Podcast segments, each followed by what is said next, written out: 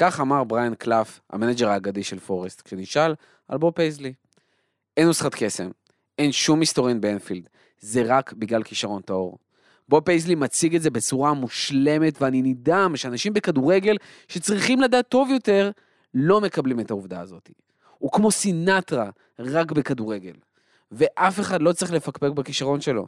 זה לא מושפע מהעובדה שיש לו להקה גדולה, להקה גדולה יותר, או שהוא אה, שר על הבמות הגדולות ביותר. זה נטו בגלל היכולת. האיש נוטף כישרון, והוא מדבר יותר בהיגיון מעשרה מאמנים כמוהו, אה, כמונו ביחד, והוא כנראה גם עובד קשה יותר מעשרה כמונו ביחד.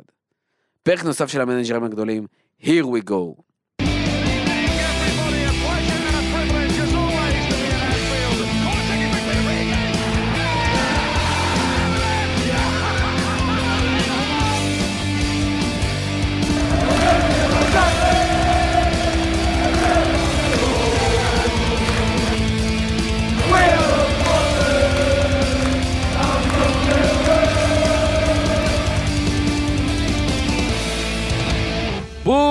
ברוכים הבאים לפרק 210 של הכפית, הפודקאסט לאוהדי ליברפול בישראל, והפעם, הפרק השני בסדרת המנג'רים הגדולים, הפרק על בוב fucking פייזלי. איתי פה בפאנל היום, כמו גם בפרק הקודם על המנג'רים הגדולים שהיה לשנקלי, ולמי שעדיין לא האזין, תאזינו אחרי. אה, גיא רגב, מה קורה? אני מתרגש כמו ילד בן חמש. מה אמרת פעם קודמת על זה שהתרגשת? כמו מה? שאני מתרגש כמו ילד בן חמש, זה כאילו זה חרוז. הבנתי. אה, מה, מה קורה, מה נשמע? כן. אני אזכיר לך, כן. שהדבר הראשון שעשיתי אי פעם לפודקאסט הכפית היה באיזה פרק 14 או 10, נכון, לא זוכר, משהו נכון. כזה. אפילו לא בתור פאנליסט. שהתקשרתם אליי ואמרתי לנו, יש יום הולדת 100 לפייסלי, אנחנו רוצים 10 דקות. מהמם. אז עשינו אז 10 דקות, ועכשיו מגיע הצדק, ואנחנו נעשה לו... כעבור כמעט 200 פרקים, פרק שלם על פייזלי ביחד איתך, כשאתה פה. איתנו ועברנו הרבה הרבה הרבה דברים בדרך. אה, ולא סתם בריאן קלאף אמר עליו את מה שאמר עליו. עם שנקלי, שהיינו חייבים להתחיל איתו. כי הוא הגיבור של הסקאוזרים, הוא זה שהתחיל את ה- את הוא ליברפול זה שאנחנו שבנה מכירים. את ליברפול וזה, אבל מי, אבל בוב פייזלי הוא הגיבור של האוהדים הגלובליים. בינינו, עם כל האהבה הגדולה לשנקלי, ויש הרבה אהבה גדולה לשאנקלי, הוא הקים לתחייה את ליברפול, יצק את הזהות שלה, הוא נתן את האופי שלה, הוא בנה את הבסיס לכל מה שקורה. מי שהביא את התארים, זולל התארים, אנחנו מדברים בו על תור זהב, תכף נפרט את זה. תור זהב מדורף של ליברפול, שבזכותה יצאה מהגבולות של אנגליה ונהייתה הסטנדרט של כדורגל באירופה של שנות ה-80, ואפילו בעולם, זה בוב פייזלי, ואנחנו מקווים שהפעם זה מה ש... אנחנו נעשה צדק עם הדבר הזה, אני. ו- ואני אחדד, נכניס גם לקונטקסט, כאילו, צריך להבין, דיברנו על שנקלי, על שנות ה-60, שנות ה-60 בליברפול, אבל צריך גם להבין מה קורה בשנות ה-60 בעולם, כששנקלי נמצא שם, שאתה לא מחובר, אתה לא יודע מה קורה בליברפול, אה, לעומת השנים של אה, פייזלי, שמה שנקרא לשנקלי, אבי יואלי מתל אביב, ישראל ישראלי, לעולם לא היו מתחברים לליברפול, ליברפול של פייזלי, כל העולם יכול להתחבר. כי הצלחה כזאת שאתה יכול גם לראות אותה, שאתה קורא עליה בעיתון, שהיא פשוט גדולה מכל דבר אחר ופשוט מדבקת ולא נגמרת, וזה מדרון חלקלק בקטע טוב, כן, כן. אה, אז אי אפשר שלא להתחבר לדבר הזה ולהריץ את הדבר הזה ולאהוב את הדבר הזה, ואנחנו פה בשביל לדבר על המנוע שהוביל את כל הדבר הזה. אנחנו, כן, אנחנו נתחיל... הוא פשוט זוהל תארים בקטע לא מוסבר.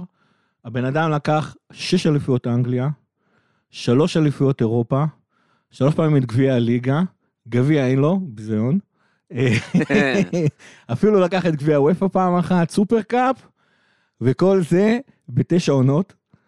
כאילו תחשבו, זה בעצם הבן אדם לקח אה, בשתי שליש מהעונות שלו, לקח אליפויות, כשהוא הוא היה המנג'ר ה-12 של ליברפול, כשהוא פרש, הוא החזיק כמעט חצי מהאליפויות של ליברפול, הוא החזיק את כל אליפויות אירופה של ליברפול. אה, עד היום הוא מנג'ר אחד מתוך 24, עד היום הוא מחזיק 13, יש לו 13 תארים חשובים, מתוך 39 סך הכל של המועדון, זאת אומרת שליש מהתארים של המועדון הם, הם, הם שלו בעצם, כמעט שליש מהאליפויות שלו, עדיין חצי מהאליפויות אירופה של המועדון מטורף, הם שלו. מטורף. זה, זה, אם, אם יש תור זהב של תארים, זה התשע עונות האלה, זה גם המשיך אחר כך עם פגן, אבל זה כבר, זה כבר סיפור אחר. אה, זאת ליברפול שאנשים התאהבו בה, זאת ליברפול שאנשים רוצים שליברפול שלנו היום עוד תהיה. זאת ליברפול שכשהייתי זה- נוסע באוטובוס לבית הספר, והיו אומרים דלגליש ורעש, זאת ליברפול הזאת. אין כאילו... זה, זה, בזכות התשע עונות האלה, אתם שמעתם על ליברפול, אתם אוהדים את ליברפול, ואני מקווה שכמוני אתם גיליתם אבל שליברפול זה בעצם שנקלי, אבל זה כבר סיפור אחר לגמרי. שדיברנו ולכו תאזינו כדי שנסביר לכם למה ליברפול זה שנקלי בעצם, אבל התארים זהו. אז uh, בפרק הזה אנחנו בעצם הולכים גם לתת לכם את ההקדמה, איך uh, פייסלי בכלל הגיע למועדון, אפילו זרקנו על זה קצת בפרק uh, עם שנקלי, איך הוא הגיע בכלל להיות מאמן ליברפול, ואז כל הדברים שהוא חווה, מצד אחד, באופן כרונולוגי לאורך השנים, איך הוא צבר את המקצועיות והדברים שהוא הביא וההצלחות שהוא הביא, אבל בו זמנית, איך הוא הביא אותם גם, ו- ומי הבן אדם מאחורי זה. הקשיים, ההבנה שלו של הכדורגל, הניהול של הסגל כשלא היה לו את אה, ג'וליאן וורד או אנשי סגל דגולים במיוחד שהיו פה בשנים האחרונות שהתאהבנו בהם.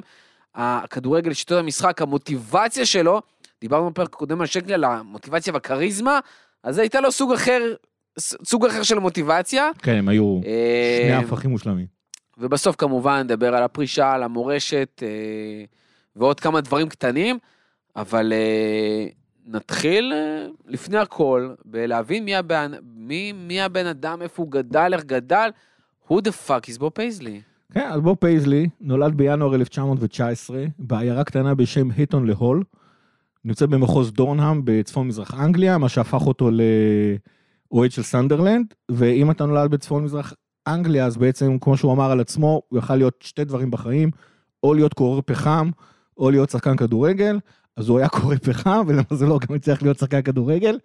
אה, הוא חתם בליברפול בשנת 1939, אבל אז התחילה איזושהי מלחמה קטנה בשם מלחמת העולם השנייה, מה שגרם לזה שאת הבכורה שלו, הוא עשה אומנם במשחקי ראווה, אבל את הבכורה הרשמית הוא עשה, שבע שנים שבע אחרי שנים. זה. כן, לא, יש לא מעט שחקנים של ליברפול שהיו צריכים לעשות את זה. הוא היה חלק מהקבוצה של, אה, אלף, של, שזכתה באליפות בעונה הראשונה שאחרי המלחמה, ב-1946-47. הוא היה המגן השמאלי, מלפניו היה בילי לידל, אה, שחקן הכנף השמאלי.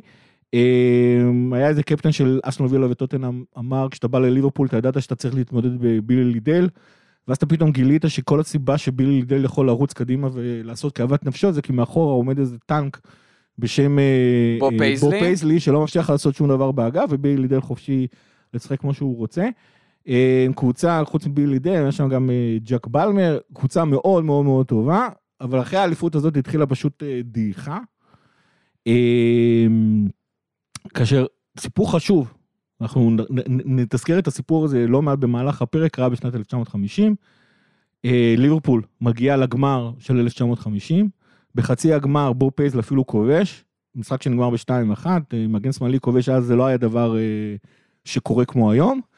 אה, גם היום זה לא כזה obvious שמגן שמאלי כובש, נכון, אז אז בכלל עם כל הקיבעון של הכדורגל של האנגלים של אותה תקופה, כאילו זה מטורף. זה כאילו מטורף, ומה שקרה לו ב... ב- אחרי חצי הגמר הוא נפצע, והוא חזר לכשירות ממש לפני הגמר.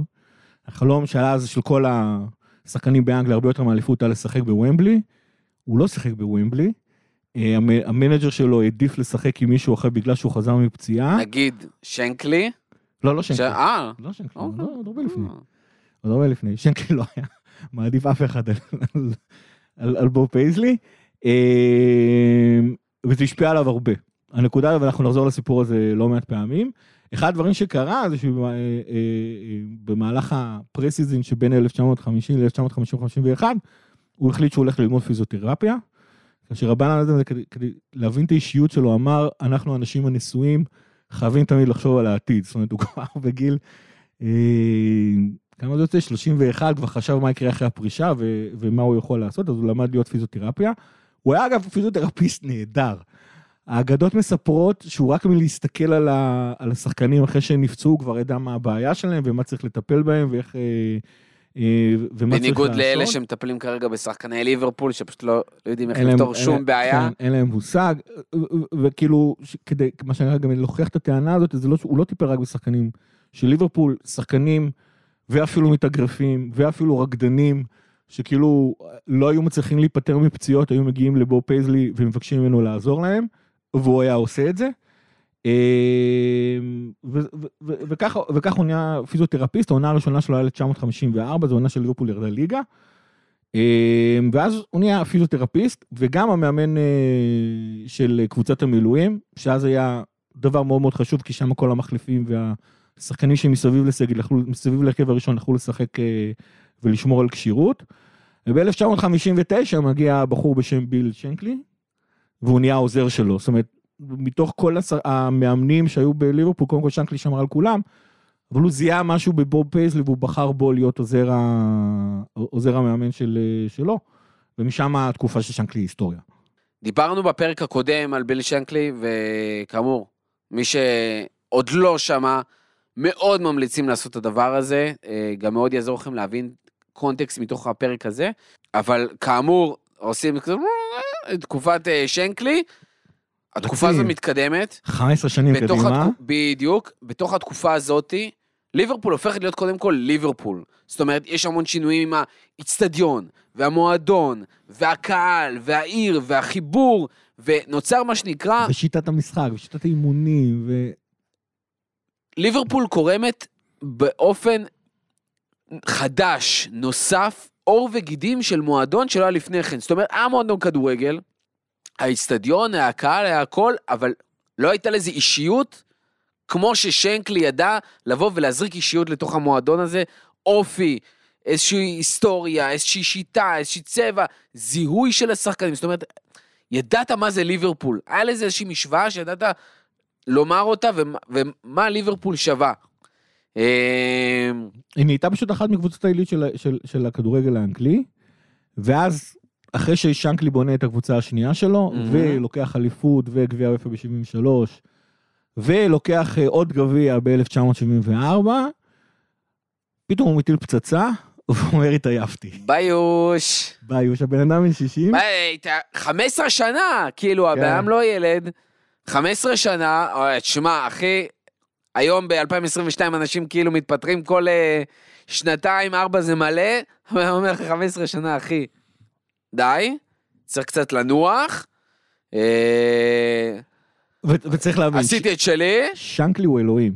כאילו, שנקלי הוא אלוהים, השחקנים עצמם לא באמת יודעים, רובם היו צעירים אגב, כן? כאילו, אנחנו מדברים על שחקנים שהיו ממש בתחילת שנות ה-20 שלהם, היה כמה שחקנים מבוגרים שהו- שהובילו את הקבוצה, אבל, אבל רובם המוחלט, כולל הכוכבים שלהם, היו שחקנים מאוד מאוד צעירים, והם בעצמם פשוט לא ידעו, אנחנו טובים, שנקלי הוא זה שעשה אותנו טובים, משהו פה, זה, המועדון עצמו בהיסטריה מוחלטת, כאילו ההנהלה עצמה בהיסטריה מוחלטת, שבר, כאילו אבל על- יורד על כל העיר.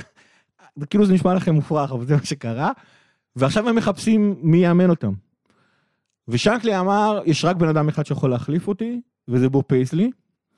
וזה מה שהוא אומר להנהלה. ההנהלה באה לבוב פייזלי, אומרת לו, אנחנו רוצים למנות אותך, ובוב פייזלי אומר, אני לא רוצה את התפקיד. והוא מדבר עם שנקלי ואומר לו, עשה טובה, תחזור בך מההתפטרות. שנקלי אומר, לא, אני לא מוכן. שנקלי אומר, לא מוכן, עליי. בוב פייזלי לא מוכן, זה וזה וזה וזה. ובסוף פייזלי מסכים לקחת על עצמו את המינוי.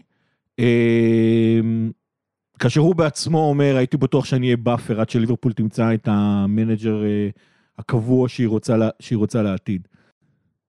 עכשיו, שנקלי ופייזלי היו שני אנשים שונים לגמרי. שנקלי היה ממש אהב להיות ב front, להיות, אה, להיות אה, שר החוץ, להיות זה שמדבר החוצה וזה. פייסלי היה בן אדם מאוד מאוד מאוד שקט, מאוד רגוע. אה, שנקלי באמת היה בן אדם שהוא גדול מהחיים, פייסלי כמו שאמרנו הוא צנוע ושקט. אשתו אומרת שעד היום אין לה מושג איפה המדליות נמצאים, זאת אומרת, לצערי היא כבר נפטרה, אבל ב, ב, עד סוף חיי היא לא באמת ידעה איפה המדליות אה, אה, נמצאים.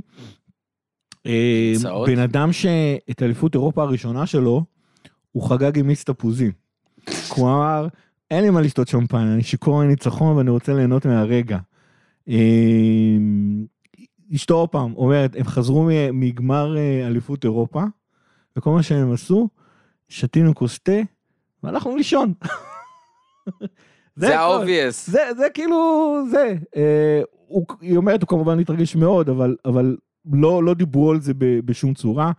אה, שנקלי במידה מסוימת היה בן אדם היותר יצירתי מבין השתיים, הוא זה שכמו שאמרתי המציא את השיטת אה, משחק ואת השיטת אימונים. פייזלי היה לכאורה הגרוש של הלירה, אנחנו נדבר כמה הגרוש הזה היה חשוב. אה, גם בגישה מול היריבות, שנקלי היה אוהב להפחיד את היריבות, לזלזל בהן, להגיד כמה ליברפול הרבה יותר טובה מהם. פייזלי פשוט דיבר אמת. הוא לא היה לו שום בעיה לפרגן ליריבות, גם, גם בחוצה, גם לתוך השחקנים שלו, להגיד מי השחקנים הטובים ומזה. זה, זה היה פייזלי. ועוד משהו שאנחנו נדבר עליו, שנקלי שמר נאמנות לשחקנים שלו. בין הרגע שהקבוצה הראשונה כבר איבדה את היכולת שלה ועד שהוא בנה את הקבוצה השנייה שלו, עברו איזה חמש עונות. פייזלי, ואנחנו נדבר על זה הרבה, כן. כששחקנים הגיעו לשיא שלהם, זה היה הזמן גם בדרך שהם נפרדו מהקבוצה. אה, אבל אני חושב שבעיקר העובדה ששנקלי הגדול מהחיים ופייזלי היה כזה שקט בצד, אה,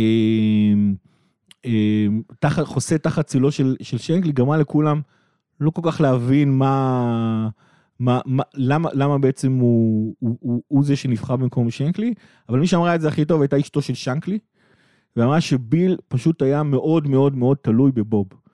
זה, הם היו כמו שני תאומים איומים ונוראים לאן שהם הלכו, אמ, ועשו צרות כל הזמן. האמת, הדבר היחידי שכן היה דומה בהם זה שהם שנאו להפסיד, ממש שנאו להפסיד. אמ, כמה שאתם יכולים לדמיין את אה, שנקלי המוחצן, אה, מתעצבן אה, כשהם מפסידים, אומרים על בוב שהוא היה יותר גרוע. הרבה יותר גרוע. הרבה יותר גרוע. אמ, והיא גם אומרת שבהרבה מקומות בוב הרגיע את שנקלי ובעצם איזנו אותם. וככה בעצם המערכת היחסים המאוד מאוד מושלמת הזאת בין שני הפכים, גרמה לשנקלי להבין שאם יש מישהו ש... היחידי שראה את זה, כי אפילו בוב לא ראה את זה, אפילו פייזלי לא ראה את זה על עצמו, אה, שנקלי, זה מה שגרם לשנקלי להגיד, הוא זה שצריך להחליף אותי, ומשם זה ימשיך. זה גם לא זה, מתוך הקונטקסט גם של מה שאתה אומר, בסופו של דבר הוא היה זה שלוחש לו, הוא היה זה שמאזן אותו, הוא היה זה שאומר לו, גם אנחנו יודעים בדיעבד, הרבה מהטקטיקות של שנקלי, הגיעו, כן. מ, הגיעו מפייסלי בסופו של דבר, בחירות שחקנים, עם מי לשחק, איך לשחק, כל הדברים האלה, הרבה מהם הגיעו מפייסלי, והרבה פעמים שנקלי באיזשהו מקום היה הפרצוף היפה, זה שיודע לדבר, זה שיודע להנהיג, לשכנע את האנשים, אבל מי שהיה צריך ל- ל- לתכלס את הכדורגל, את הקבוצה, את המשחק, שם פייזלי היה, וזה גם מה שמתארים בסופו של דבר. מוח הכדורגל המבריק הזה, כאילו איך הבן אדם הזה מבין ויודע גם לתאר את זה דברים בצורה כל כך פשוטה, דברים כל כך obvious שאנשים לא רואים, כל הדברים האלה, זה מה שבוב פייזלי היה. והוא גם עשה את זה באופן אינטואיטיבי ו... ואינסטינקטיבי. צריך להבין, כי אנחנו על תקופות שונות, היום עם הטלוויזיה והטכנולוגיה ושיטות המשחק שמתפתחות, היום כדורגל זה באמת, מאמן כדורגל אה, ברמה הכי גבוהה, זה בן אדם שההשכלה שלו שווה משהו לתואר של דוקטור, אם לא יותר מזה. זה היה עבד אחרת. זאת אומרת, זה לא שהאנשים האלה היו נטולי ידע והשכלה אה, בכדורגל ומה זה כדורגל, אבל הרבה פעמים ההבנה שלהם הייתה פשוט באמת אינטואיטיבית, זה היה הרבה יותר כישרון אה, מכל דבר אחר, אבל אנחנו נראה בפרק שזה ממש ממש ממש לא רק, אה, לא רק כישרון לזה, כמו שקלאף אמר על, על פייזלי. אז בוא, בוא נמשיך ונדבר על שאר הדברים. אני חושב שאנחנו די מגיעים פה לעיקר, מה שנקרא. אה, למנה העיקרית, לעיקר של הפרק. לתשע עונות. אה, לתשע עונות מטורפות, מטורפות. שבאמת, באיזשהו מקום אנחנו אמרנו, אנחנו נלך על זה בסדר כרונולוגי, אבל מצד שני יש פה איזה... כמה נושאים, פשוט כנושאים שהם סופר מעניינים, שבעינינו באמת מתארים, גם מי הבן אדם הזה שנקרא בוב פייזלי, אבל גם איך הייתה הקבוצה הזאת של פייזלי, אותה קבוצה, אותו תור הזהב של ליברפול, אבל לכל הדברים האלה הייתה התחלה מאוד קשה, לא פשוטה, למרות ששוב, שנקלי בנה ויצר את ליברפול שאנחנו מכירים כמועדון, כזהות, כ... כאישיות אפילו, אבל אה, לא היו לו אותה בהכרח את האמצעים הכי אידיאליים בשביל להוביל קבוצה כמו שהוא באמת הצליח לעשות אחרי זה. אה, נכון, וזה גם נובע מהעובדה שכמו שאמרנו, פייזלי לא רצה את, ה, את, ה, את התפקיד הזה, אני אנסה לחקות את אמלין יוז, מחקה את אה, בוב פייזלי בפגישה הראשונה שלו עם השחקנים, הוא פשוט, I don't want this bloody job, I didn't want it. אמ, ועוד פעם, זה נורא הפתיע, שחקנים עוד פעם, היו רגילים שעוזר מאמן שלו מספר 2, הרבה פעמים כשהיה כואב להם הלב הם היו הולכים אליו כשהם לא יכולים לפנות... אה, פתאום אין distance, אין כלום, זה פתאום- הבן אדם, מכיר אותם אפס. זהו, אז אחרי האין distance הזה פתאום יש distance של מנג'ר. אה, אז פייזלי עשה כמה דברים נורא נורא פשוטים. דבר ראשון, הוא קודם כל וידא שה boot room המפורסם נמצא מסביבו. הוא ד- בא לג'ו פייגן, לש... תכלס הם היו אה, באותו, באותו level בהיררכיה. שאל אותו, כולכם בסדר עם הדבר הזה? אמרו לו שכן. הוא מינה בן אדם בשם טום סונדרס, שהיה חלק מה, מה boot room, אה, להיות זה שעושה את ה scouting אה, נגד הקבוצות היריבות. אה, רוני מורן וראובן בנט היו אחראים על האימונים בעיקר. ראובן, ראובן, ראובן בנט. ובחור בשם רוי אבנס, שהיה רק בן 25, שחקן כדורגל כושל, אבל מוח כדורגל שגם שנקלי וגם פייזלי נורא העריכו אותו, צירפו אותו, צירפו אותו לצוות המאמנים. כמו שאמרנו, שחקנים עצמם, היה להם נורא קשה, כי הם לא לגמרי היו סגורים, הם, הם כולם היו תחת ההשפעה של האלוהים הזה שנקרא שנקלי, והם לא היו סגורים לגמרי כמה, כמה הם טובים בעצמם או, או, או, או לא טובים בעצמם. אה, כש, כשפייסלי הגיע לאימון הראשון, אבל הוא ניסה מאוד מאוד להרגיע אותם, הוא פשוט אמר להם, חבר'ה, תראו, אף אחד לא רצה ששנקלי יעזוב.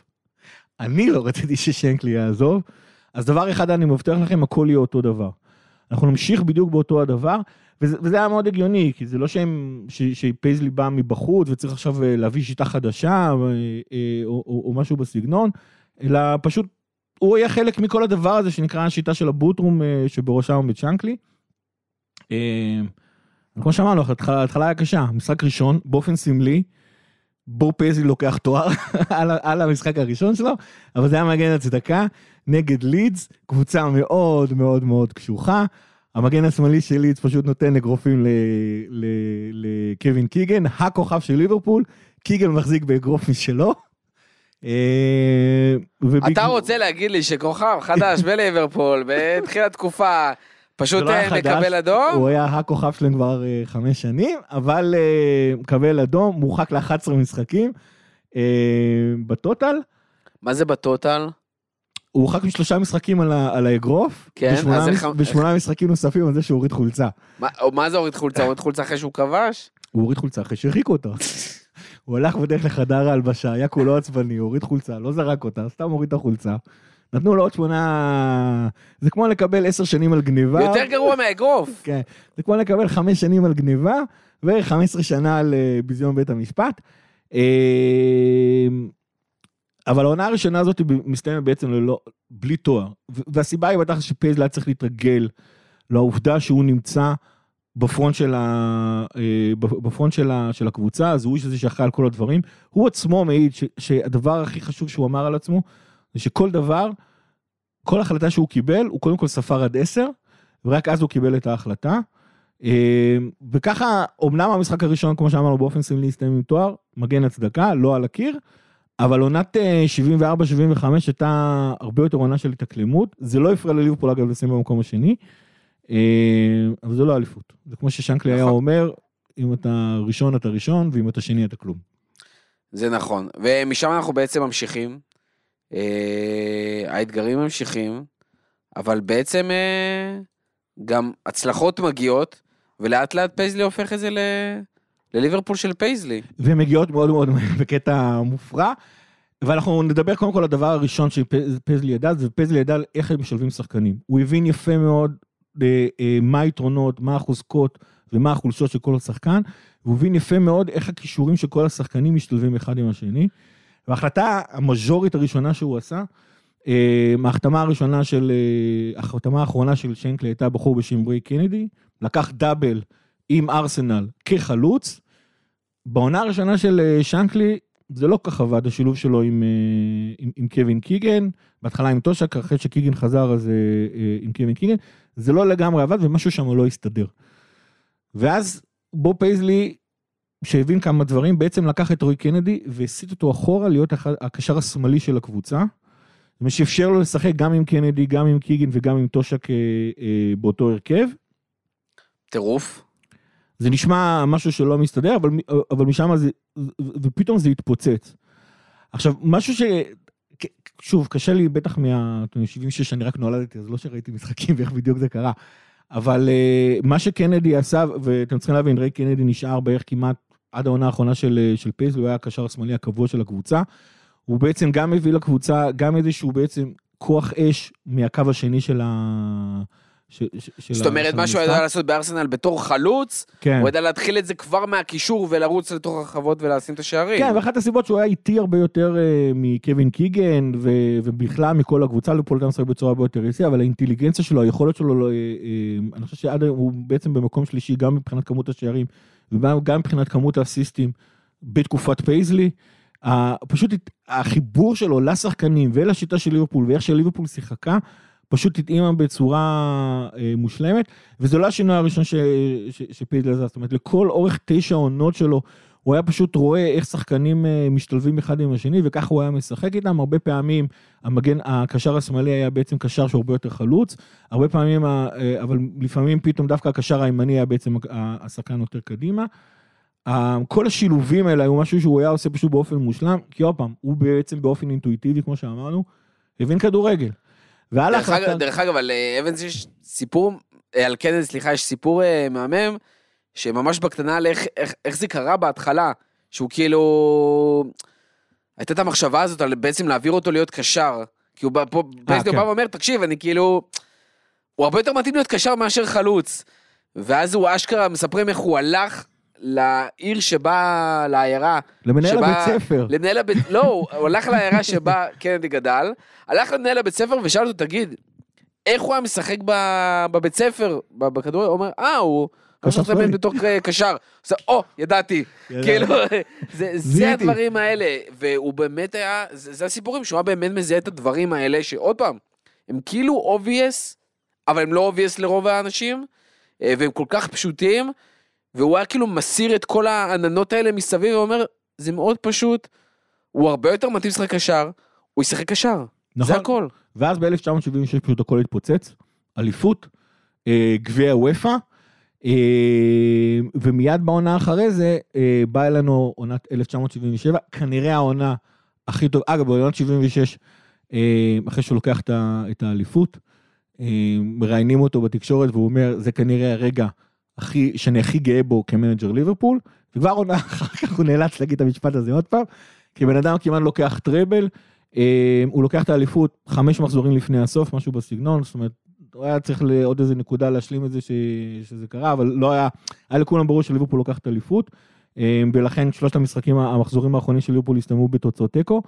דווקא בגמר הוא מפסיד לקבוצה בשם מנצ'סטר יונייטד, אה, כי עוד פעם, בוב פייסלי משום מה לא לקח אה, אף פעם לא זכה בגביע בעצם, לא כשחקן ולא כמאמן. אה, אבל ארבעה ימים אחרי משחק הגמר נגד אה, נגד יונייטד הוא בעצם מנצח את ברוסיה מנשנגלדבך, קבוצה שסבלה ממנו רבות. נגיד אחת משתי הקבוצות הגדולות בגרמניה באותה תקופה, כן, זאת אומרת, אימפריה גרמנית. אימפריה גרמנית, היא, היא כאילו באמת, עם ביירן מינכן היא ציון 100, אה, ברוסיה משטרלדבך היא ציון 95, אבל איכשהו גם ביירן מיכן תמיד מצליחה לקחת את האליפויות, תמיד מצליחה לקחת את התארים האירופיים.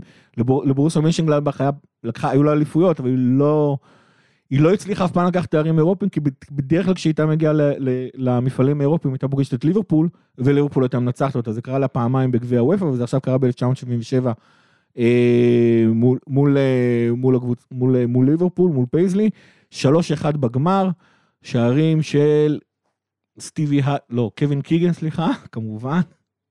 סליחה, טרי מקדרמוט, טומי סמית ופיל ניל מפנדל. אמ, ואז עוד פעם, בוב פייזלי צריך לעמוד מול המצלמות ולהגיד... אחרי שהוא חוגג עם מיץ תפוזים. שזה, שזה הרגע הכי מאושר שהיה לו בחיים. אמ, אבל אז אנחנו נחשפים, נחשפים לדבר חד... נוסף של בוב פייזלי, זה שכאילו לא מתרגשים. זאת אומרת, הוא בעצמו, כמו שאמרנו, הגיע הביתה, שתה כוס תה עם אשתו, הלכו לישון. אמ, זה גם מה שהוא אמר לשחקנים, זאת אומרת, כל, כל המנטליות של ליברפול באותה תקופה, הוא חילק להם את המדליות, הוא אמר להם, חברים, ראשון, 15 ביולי, פרסיזן, חוזרים להתאמן. בעצם המטרה תמיד הייתה לנצח, אבל שנייה אחרי שהיית מנצח את, המשחק, זהו, היית שוכח מהדבר הזה. אמ, ואתה בעצם play, will, move on. כמו גישה אנגלית, Keep calm, in carry on, אותו דבר, משחקים, מנצחים, וממשיכים הלאה, לא מתרגשים מתארים, עוד פעם, הוא בעצמו לא, שם את המדליות באיזה מגירה שאף אחד לא ראה אותם, לא על ה... מעל האח או משהו בסגנון. אה, וכבר בעונה הבאה, 1977-1978, הוא נתקל במכשול הבא שלו. אה, את, בעצם את כל עונת 1976-7, שליברפול כמובן לוקחת את הטראבל, קווין קיגן הודיע שהוא הולך לעזוב אה, לקבוצה אחרת, ובתכלס כבר בינואר הוא סגר בהמבורג, שהייתה קבוצה מספר 3 ב, ב, בגרמניה, וקיגן הפך אותה לקבוצה מספר 1. רצה אתגר אז אתגר עד הסוף, נסו לקחה רצה לביירן אתגר, אליפות. הפך אותה לקבוצה מספר אחת, אה, לקח אה, תארים אה, שחקן, השחקן הכי טוב באירופה וכו'. וליברפול הייתה צריכה להתמודד עם הדבר הזה. עכשיו אני שוב אומר, קווין קיגן באותו זמן היה בעצם השחקן האנגלי הכי טוב אי פעם. הכוכב של ליברפול, כל ההתקפה הייתה מבוססת עליו. אה, ומה עושה בו פייזלי? הוא אומר, טוב, קיבלנו חצי מיליון פאונד על אה, קווין קיגן, אנחנו לא רוצים לשלם מיסים מזה שהרווחנו כסף.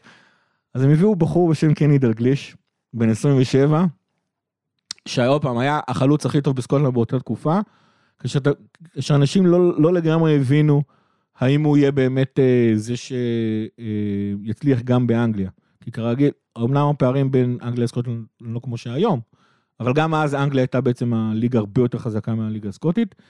אה, הוא הביא אותו, ומה שליברפול גילתה זה שבעצם קני דגליש זה בעצם השחקן הכי טוב שנוצר אי פעם באי הבריטי. והם אומרים את זה אחרי שקווין קיגן, כאילו, בדיוק עזב, כן. וואו, איזה עילוי.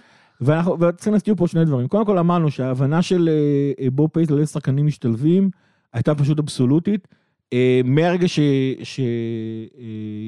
שקני דרליש הגיע, ליברפול בעצם עברה מסוג של 4-4-2 ל-4-4-1-1.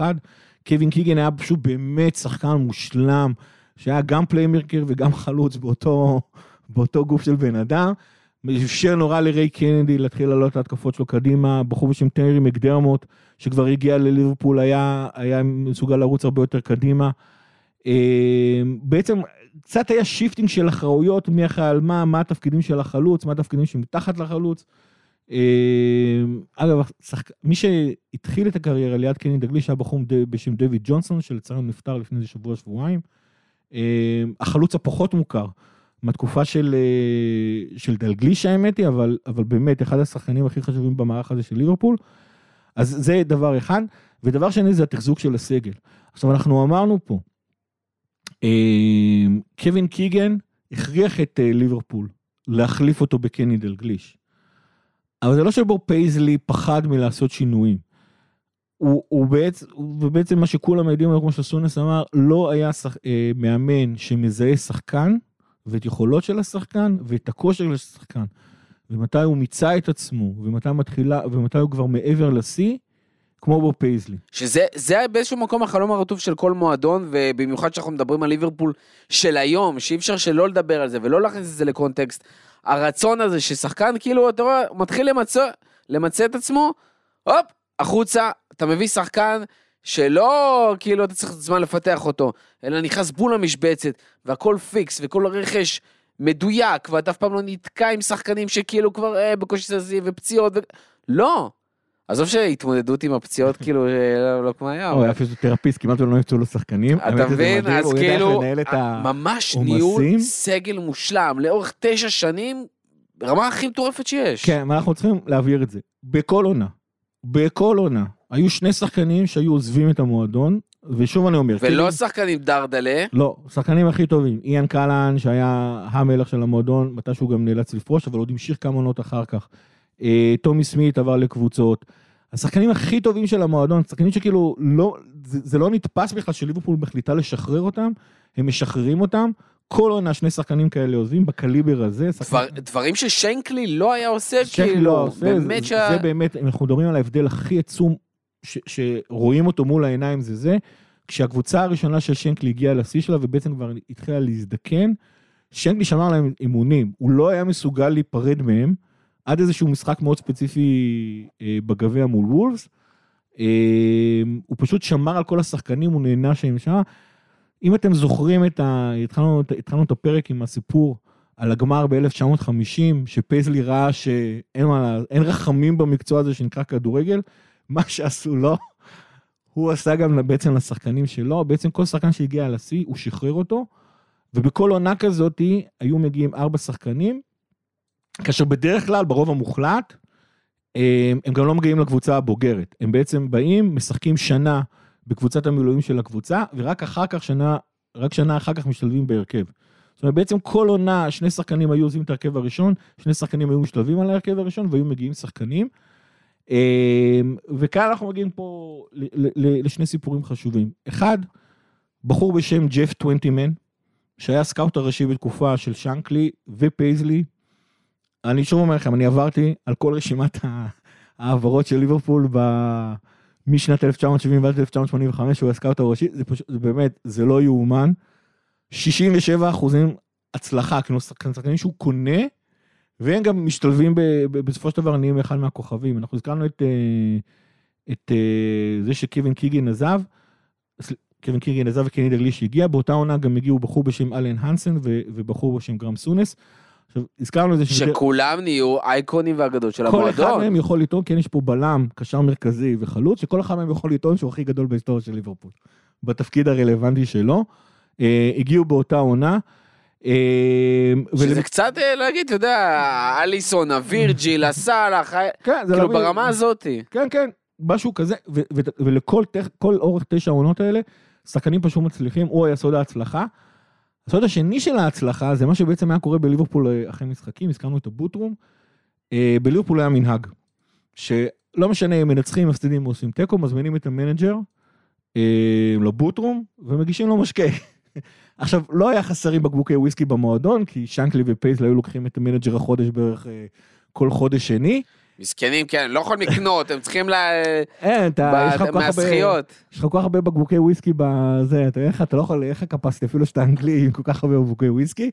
אז הם פשוט היו משקים את המאמנים, והגדה מספרת שבעצם הם היו שואלים את המאמנים האלה על כל מיני שחקנים, נגיד אה, אלן הנסן הגיע מפטריק טיסטל, מקבוצה לא מוכרת ב...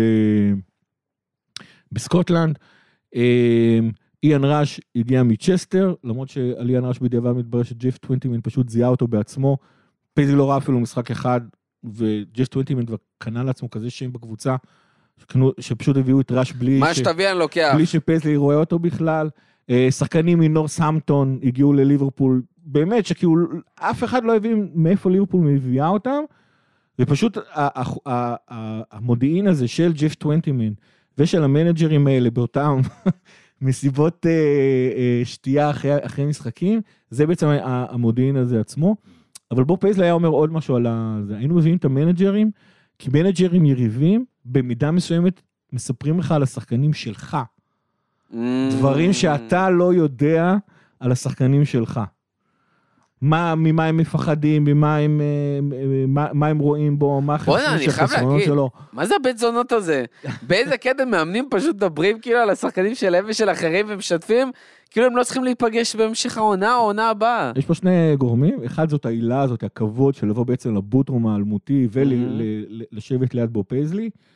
אה, זה אחד. דבר שני, פייזלי היה אומר שמנהל הבית ספר שלו לימד אותו שאם אתה רוצה להעביר מידע לאנשים, דבר ברכות, והם ישתפו איתך פעולה. אל תצעק עליהם. דבר חלש. כמו שהוא היה מדבר ככה על השחקנים, אתה מפריח את המאמנים. ככה הוא היה מדבר על המאמנים, אנשים פשוט אהבו אותו. אי אפשר היה לא לאהוב אותו, כי עוד פעם, תחפשו בוב פייזלי. הוא היה חמד של בחור. הוא נראה לא מאיים, הוא נראה סבא טוב, שחקנים היו קוראים לו uncle בוב. אה, ופשוט היה כיף לשתף איתו מידע, גם כיף לחוות איתו. עכשיו, זה, זה נשמע שמתוך uh, כל הרכש, אני, אני שוב אומר, כמות הרכש של ליברפול עשתה יחסית לקבוצות אחרות הוא מאוד מאוד נמוך. בכל התקופה של בוב פייזלי, הוא הוציא 5.5 מיליון פאונד על שחקנים. אגב, בשש העונות הראשונות שלו זה היה פחות משלוש מיליון פאונד. זה רק כדי להבין את העוז, כן. שחקנים, שחקנים, הסכום שיא שמועדונים באנגליה שילמו שחקנים באותה תקופה היה מיליון וחצי. זאת אומרת, במשך כאילו, שתי, במשך שש עונות הוא, הוא קנה שני שחקנים לכאורה. ולא, הוא הביא הרבה יותר. כן, אבל מצד שני, לדוגמה, לא יודע, קבוצות אחרות שלא היו עושות כזה scouting והיו מביאות, אתה יודע, כוכב כל עונה, כי עוד פעם, כמו שאנחנו אומרים, הכוכבים לכאורה שהגיעו לליברפול לא היו כוכבים. נכון. הם היו, הם לא היו מהקבוצות של ה... לכאורה פרמייר, כאילו מהליגה הראשונה, אלה היו קבוצות מהליגה השנייה והשלישית והרביעית וסקוטלנד וכאלה, שאתה לא רואה אותם כל שבוע ואתה אומר, או, oh, זה שחקן שאני מוכן לשלם עליו, או שמעת עליו שב... לא יודע, בליגת האלופות של זמנו, הוא אה, משחק ומפציץ ווואי איזה כוכב. אה, אבל כמה באמת לדוגמה קבוצות אחרות כן אה, הוציאו באותן תקופות כדי לא- להבין. עד, שנו, עד תחילת שנות ה-80 ליברפול לא הוציאה הרבה יותר משחקנים אחרים. זאת אומרת, אם לצורך העניין... אה, אה, מקבוצות אחרות. מקבוצות אחרות, גם בוא נשים דברים בהבדל. כשקני דגליש הגיע, כולם ידעו שהוא הכוכב הכי גדול בבריטניה, בסדר? זאת אומרת, שילמו עליו אוקיי. 440 אלף פאונד, זה היה שיא בין קבוצות בריטיות, זאת אומרת שקבוצה בריטית משלמת לקבוצה בריטית. אה, אף אחד לא הופתע שקני דגליש היה שח, שחקן כזה טוב, אבל שחקנים כמו אלן הנסן, ג'וי ג'ונס, אלן קנדי, אה, מרק לורנסן, המון שחקנים של ליברפול לפעמים הייתה שוברת אה, שיאים, של כאילו זה בעצם היה השחקן ששילמה עליו הכי הרבה בהיסטוריה, שכאילו פה הייתה שוברת שיא שיא העברות. ואנשים היו כאילו לא מנסים להבין, ברוס גרובלאר למשל, שהגיע מדרום אפריקה, איאן ראש שבגיל 18 הגיע מצ'סטר, זה כאילו שחקנים שאף אחד לא הבין מאיפה הם באים, אבל ג'ף טוונטימן ובוב פייזלי זיהו אצלם משהו, והיו מביאים אותם לקבוצה, לא הוציאו הרבה, אגב הוא גם מכר שחקנים. זאת אומרת בסופו של דבר בכל התקופה של, אה, אה, של, ג'ו, של אה, בוב פייזלי, ליברפול שילמה 2 מיליון פאונד על שחקנים, שוב היום זה נשמע... נטו. נטו. כן, זאת אומרת, עוד פעם, לכאורה ליברפול כל תקופת אה, פייזלי קנתה שחקן אחד, שניים. זה, אנחנו מדברים, אנחנו מדברים על תשע עונות, והתחלופה הזאת גרמה כמה דברים. קודם כל, היא פשוט וידאה שאתה מוציא, לא נעים לומר, שחקנים שעבד עליהם, עבר עליהם הכלח, אתה כאילו... או אה, למכור אותם בשיא פשוט, לא לחכות, אתה כן, יודע, או למכור שהם אה, בשיא. מתפחלצים כבר. כאילו שאתה עדיין יכול לעשות עליהם רווח, להביא שחקנים, כמו שאמרנו, בדרך כלל, להחזיק אותם במילואים עונה אחת, ואז לשלב אותם בקבוצה הבוגרת, זה גרם לרענון כל הזמן של הסגל, שחקנים לא היו שוקטים על השמרים שלהם, שחקנים יודעים שהם חייבים אה, אה, לשמור על, ה, על הכושר שלהם. וזה באמת, זאת אומרת, דיברנו קודם על ההבנה של השחקנים, התחזוק הזה של הסגל זה גם כן אחד הסודות הכי גדולים של, אה, של בוב פייזלי להצלחה שלו. עכשיו, דיברנו על כן. זה, קווין קיגן עזב, קני דגליש הגיע, דיברנו על זה שגם הגיעו באותה עונה גם אלן הנסן וגם גראם סונס. אה, על פניו סבבה, אבל כנראה שהשינוי הזה של שלושה שחקנים נורא חשובים, בלם, קשר מרכזי ו- וחלוץ, בכל אופן היה יותר מדי. אה, ואז אנחנו עומדים לעונת 1978, שהיא הסיבה הראשונה למה אנחנו שונאים את נוטיגם פורסט. קבוצה שרק עלתה ליגה, באמת, הפועל יהוד של, של הכדורגל האנגלי.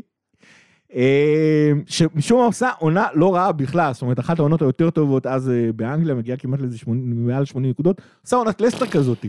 כן, איכשהו לוקחת את האליפות מליברפול, אה, מה שאפשר לליברפול להשקיע את מירב המאמצים שלה אה, אה, בגביע אירופה לאלופות. כי היא מבינה שאין לה סיכוי לקחת אליפות בקצב כן, הזה. מתישהו כזה, למרות שהיא פשוט סיימה מקום שני בפער מהמקום השלישי, אבל לצערי גם בפער מהמקום הראשון. אוקיי. ואז כמובן קני דגליש כובש את שער הניצחון נגד ברוז' בוומבלי, וליר- ו- ובוב פייזלי אוסף לעצמו עוד אליפות אירופה. אממה, בגלל שב-1978 העניינים התחילו להתחבר כשסוניס הגיע בחצי השני של העונה, ליברפול כבר הייתה קצרה מ- מלקחת את האליפות, אז ב-1979 היא לא, היא לא הייתה עסוקה באירופה. ואז אנחנו מגיעים לעונת השיא של הכדורגל האנגלי, עד בערך פפ גוורדיולה של, של סיטי. אה, ליברפול בעצם אה, אה, מסיימת את העונה עם אה, 68 נקודות, זה נשמע לכם מעט, אבל אז היה שתי נקודות לניצחון. זה בעצם שווה ערך לעונה של 89 נקודות. אני שוב אומר, עד שלא היה פרמייר ליג, קבוצות לא לא היו מגיעות ל-90 נקודות. שיא של כמות שערים, שיא של אה, אה, ספיגות, היא לא הפסידה בכל העונה, שזה גם כן משהו שכאילו לא נראה ב, ב, בדבר הזה. והיא בעצם הייתה במקום הראשון מהמחזור השני, שזה אמור די להזכיר לנו את עונה 19-20 של, של יורגן קלופ. אך, אה, עונה עד שהיא נקטעה. כן, וזה בעצם אה, מביא אותנו קצת לדבר על, אה, על, על שיטת המשחק. ליברפול בגדול שיחקה 4-4-2, אבל זה לא באמת היה 4-4-2. זאת אומרת, בתקופה ששם... צריך לציין, באותה תקופה כולם שיחקו 4-4-2. כן. אה, וצריך גם כמה להבין, זאת אומרת, היום שנגיד סתם בקשרים, יש קשר אחורי, ויש קשר עושה משחק, ויש קשר התקפי, ויש קשר אמצע, ו-50-50, וקשר הורס, וכל מיני דברים כאלה. בתקופה הזאת היה גראם סונס, שזה די סטיבן ג'רארד, זאת אומרת, כל הקשרים היו סטיבן ג'רארד. אה, כי לא היו, לא היה קשרים הגנתיים, פשוט לא, כי כולם פשוט עושים, אתה ציפית, מה שהם רוצים. כשאתה משחק בארבע קווים מאחורה וארבע קווים אה, באמצע, אתה ציפית מהשחקנים שלך שפשוט יעשו הכל. אה, אבל, אנחנו כבר דיברנו על זה, ריי קנדי נהיה הקשר, ה- הקשר השמאלי. עכשיו, שנקלי עצמו היה משחק עם 4-4-2 ו-4-3-3, אבל כאילו לכאורה הבסיס תמיד היה 4-4-2, ובעצם ביטלו את לאיזה שחקנים שנמצאים שם, אז, אז ככה השיטה הייתה משתנה. אצל, אצל, אצל פייזלי זה היה הרבה יותר, אנחנו משחקים 4-4-2. אבל ריי קנדי הוא קשר השמאלי שלנו, זה עולה הרבה, הרבה פעמים לעזור לחלוצים. אה, שני הקשרי אמצע שלנו, הם, הם עושים הכל, בין אם זה סונס ומקדרמוט וקייס וסמי לי, הם, הם, הם, הם עושים כל מה שצריך, הם יהיו גם הקשרים האחוריים, גם הקשרים ההורסים וגם אלה שנותנים את, ה, את הבישולים או מתגנים או whatever. וזה חוזר לעובדה שהוא, ששנקלי היה יודע להתאים את השחקנים, זאת אומרת, אם, אם שהיינו משחקים 4-4-2, זה היה שני חלוצים proper, טושאק וקיגן בתקופה הראשונה, מהרגע שקני דגליש הגיע זה כבר היה נהיית 4-4-1-1, שקנדי ולמקדרמוט היה הרבה יותר חופש לעלות למעלה כמה שהם רוצים. ו, וצריך להבין, זה, שוב, הכדורגל אז מבחינה טקטית, תמיד, טקטיקה תמיד הייתה חשובה בכדורגל, ומבחינה טקטית זה לא מפותח כמו היום. אירופה כבר ראתה, מה זה אירופה? כל העולם כבר ראה מה זה הטוטל פוטבול ההולנדי. מה זה יורגן קרויף? אה, יורגן קרויף. יוהאן קרויף. כן. אה, כבר משחקים דברים שהם מאוד לא 4-4-2 בכל כן, העולם. ש- שמגינים, מוצאים את עצמם חלוצים. זה נשמע נורא מגניב, צריך לדעת איך לעשות את זה. והשיטה של ליברפול לעשות את זה הייתה מאוד פשוטה, זה פשוט להביא שחקנים אינטליגנטים. דיברנו על, על, על זה שליברפול ידעה להביא את השחקנים שמתאימים לשיטה של ליברפול. עם- פיל ניל, שהיה המגן הימני של ליברפול בכל התקופה של, אה, אה, של פייזלי, היה חופש מוחלט שאם יש לו שטח פנוי קדימה, אז הוא רץ והוא נהיה חלוץ. זה דרש מג'ימי קייס הקשר הימני, ומגריים סוניס הקשר, ומהבלמים, להבין שיש חור בצד ימין. קבוצות שאמרו, כן, בואו נשחק טוטל פוטבול, ושלחו את, המגינים שלהם קדימה, הם פשוט נכשלו, כי היה נורא קל לתפוס אותם במתפרצת. כשאתה משחק עם שחקנים כמו אה, אה, אינטליגנטים, כמו שליברפול הייתה מביאה, גם בלי להסביר להם את הדברים האלה, אה, זה פשוט היה קורה מאליו. סטים ניקול, אחד השחקני הרכש האחרונים של פיזלי, אמר, "אתה- כשהיית מגיע לליברפול עם כל כך הרבה הצלחות, הוא הגיע ב-82, 83, זה כבר אחת הרכישות האחרונות, אומר, אתה, אתה, אתה מצפה שאתה מגיע למזללת תארים כזאת, שמספרים, מלמדים אותך איך לשחק. והאמת היא שכמעט ולא דיברו איתנו על טקטיקה. כי, כי פיזלי היה תמיד אומר, לא הבאתי אותך בשביל ללמד אותך להיות שחקן ליברפול, הבאתי אותך כי אתה מתאים להיות שחקן כי אתה מתאים ליברפול. להיות שחקן ליברפול, וגם הרבה פעמים העודף מידע הזה, שוב, אנחנו נראה תקופות אחרות, כן, היום אני בטוח שקלופ מעביר המון שיעורי טקטיקה על שחקנים, אבל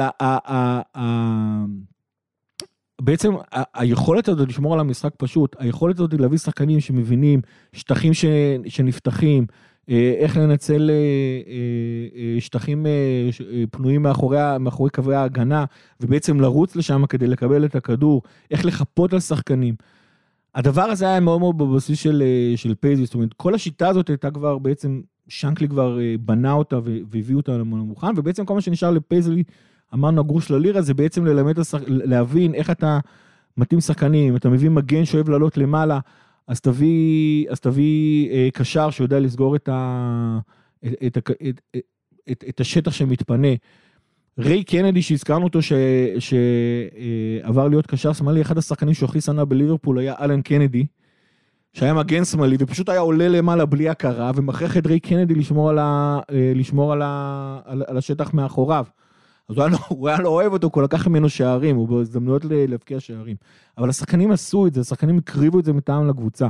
בעצם האמונה הזאת היא בעבודה קשה, אה, אה, וב, וב, ובאינטליגנציה של שחקנים, ובעצם ללמד אותם את הדברים הבסיסיים, פזי לא היה צריך להגיד הרבה, אבל כמו שכל אחד ואחד מהשחקנים אה, שראינו בדוקו בהכנה לפרק הזה אמרו, הוא לא היה אומר הרבה, אתה גם בדרך כלל לא היית מבין אותו בגלל המבטא שלו, אבל כשהוא היה אומר לך משהו, אתה יודע שהדבר הזה הוא פשוט נכון, וכדאי לך להקשיב לו, בין אם זה טיפים קטנים, שתדע לך, השוער של צ'לסי יוצא יותר מדי מה...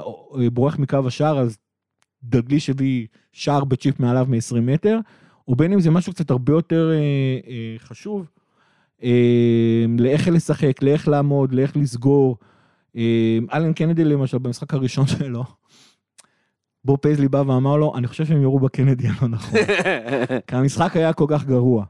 אבל בעצם בסופו של דבר, פייזלי נתן לו את המידע כדי להבין מה, מה צריך לשחק.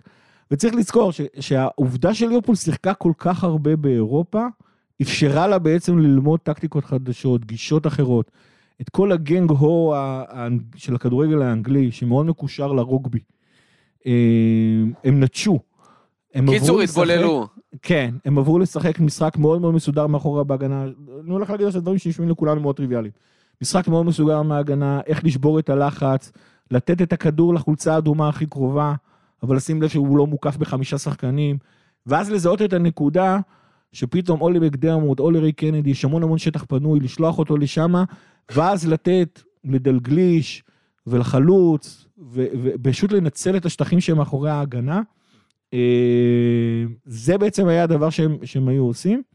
פשוט פשוט, פשוט לא לסבך את הדברים, להיות מאוד uh, ממוקדים. וצריך להבין, אתה הזכרת שבשנות ה-60 לא לא שידרו הרבה משחקי כדורגל. בסוף שנות ה-70 ושנות שנות ה-80 היו משדרים המון המון משחקי כדורגל, ושידרו בעיקר את ליברפול, כי היא גם הייתה זאתי שרצה לאליפות, וגם זאת שמשחקת באירופה.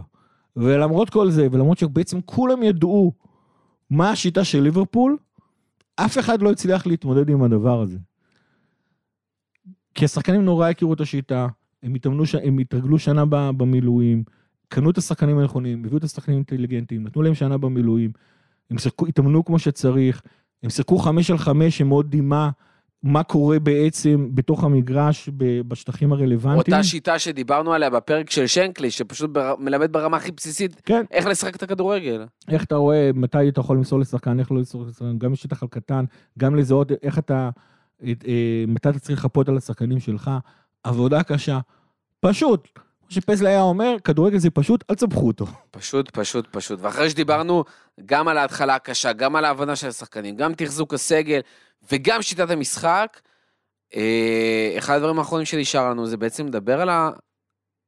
על איזה מוטיבטור הוא היה, שזה כל כך אירוני, כי דיברנו כל הפרק על איזה חמוד הוא היה, ואיזה פשוט הוא היה, ואיזה מופנם יחסית הוא היה, אבל uh, כנראה שגם הוא, ולא סתם אתה מגיע להיות כזה סוג של מאמן, יודע להיות מוטיבטור. הוא יודע להיות מוטיבטור, אבל עוד פעם, זה לא היה, אה, זה לא היה כמו שנקלי, שפשוט היה גורם לך להאמין שאתה טיטן ו...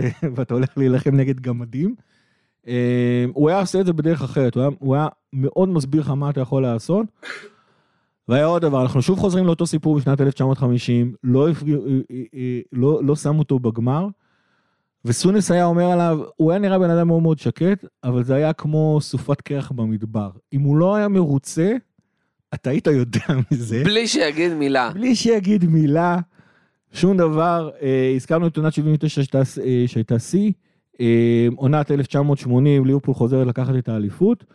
עונת 1981 אה, מתחילה רע, זאת אומרת, סליחה, מסתיימת רע. ליברפול, אה, אה, מתישהו מאבדת גובה, מסיימת רק במקום החמישי, דבר שבין 1973 ל-1990 קורה. השם ישמור. בדיוק פעם אחת.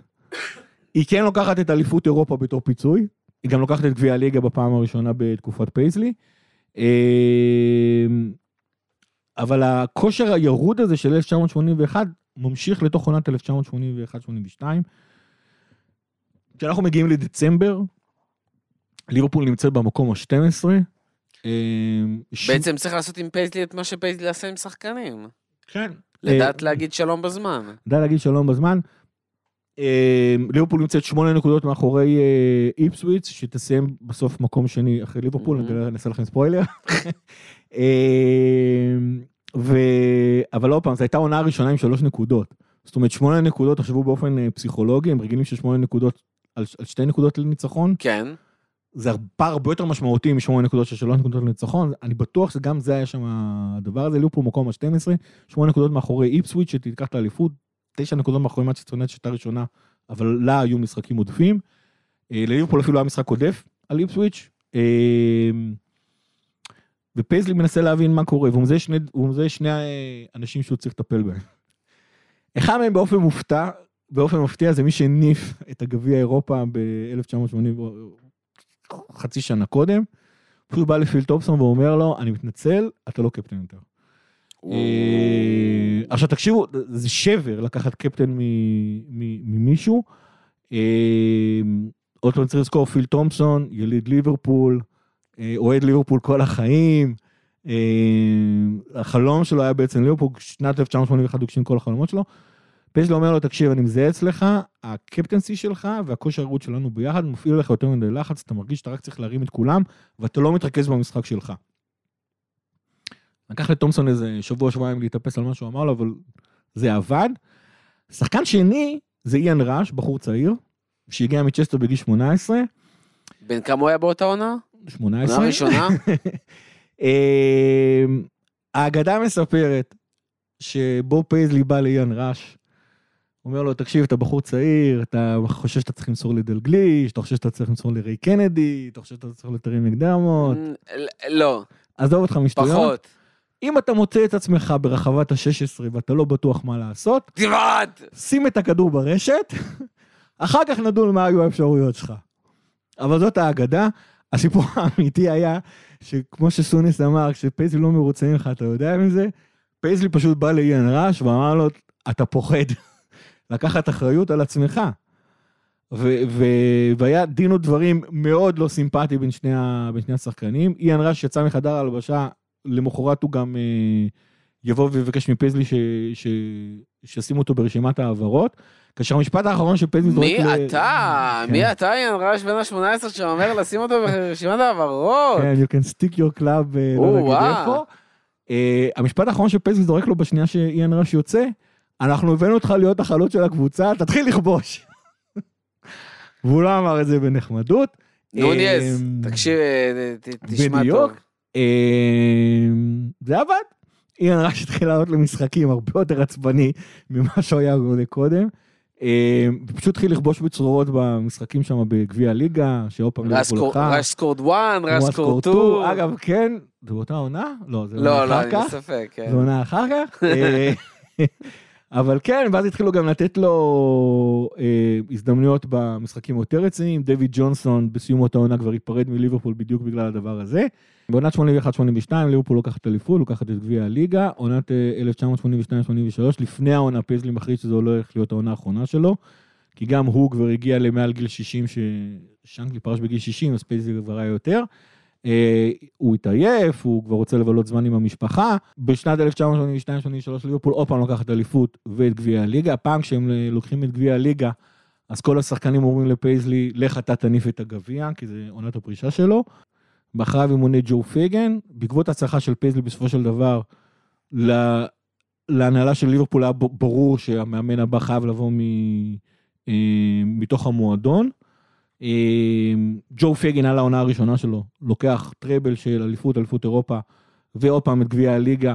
בתכלס עם קבוצה שפייזלי השאיר לו, אה, שחקנים שבדיוק המשיכו לעלות. אה, אחרי הזלי, אחרי אסון הייזל, פייגן פורש, ואז דגליש ממונה למאמן.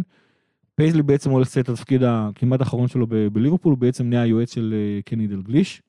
עכשיו זה לא כמו היום שאנחנו מכירים את הסיפורים האלה בספורט הישראלי, שהיועץ הוא בעצם המחכים. היה יועץ, פיני, פיני. היה יועץ. לא, באמת, זאת אומרת, אה, אה, דגליש עצמו אומר שכאילו הוא חייב לפייזלי כל כך הרבה גם בגלל השנה הזאת, יותר הוא גם יהיה אחד מ- ממועצת המנהלים שבליברפול.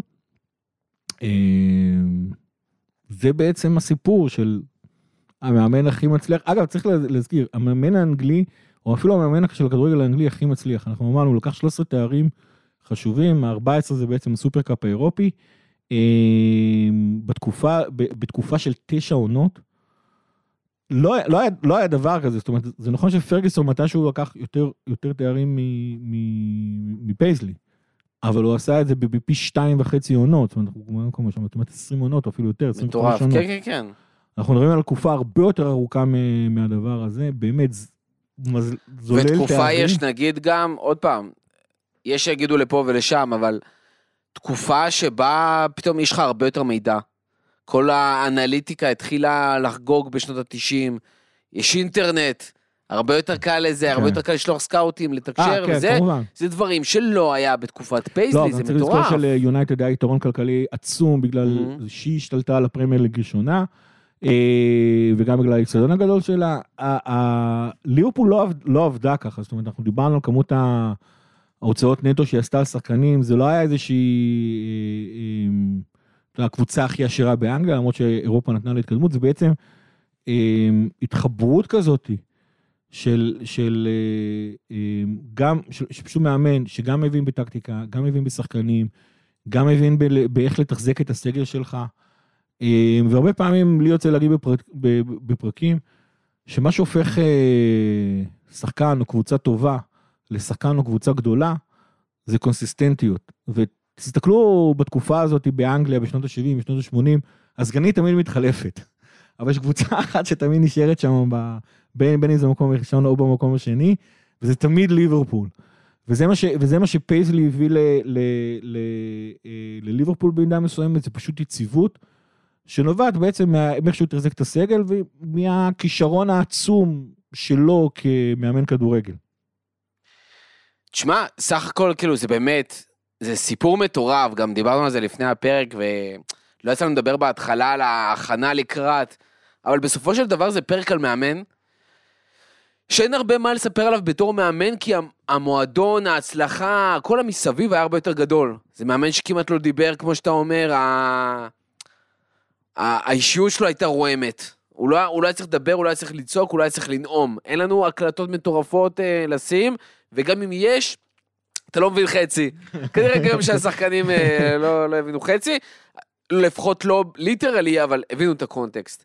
אה, ובכל זאת, אנחנו רואים איזה דברים נעשו.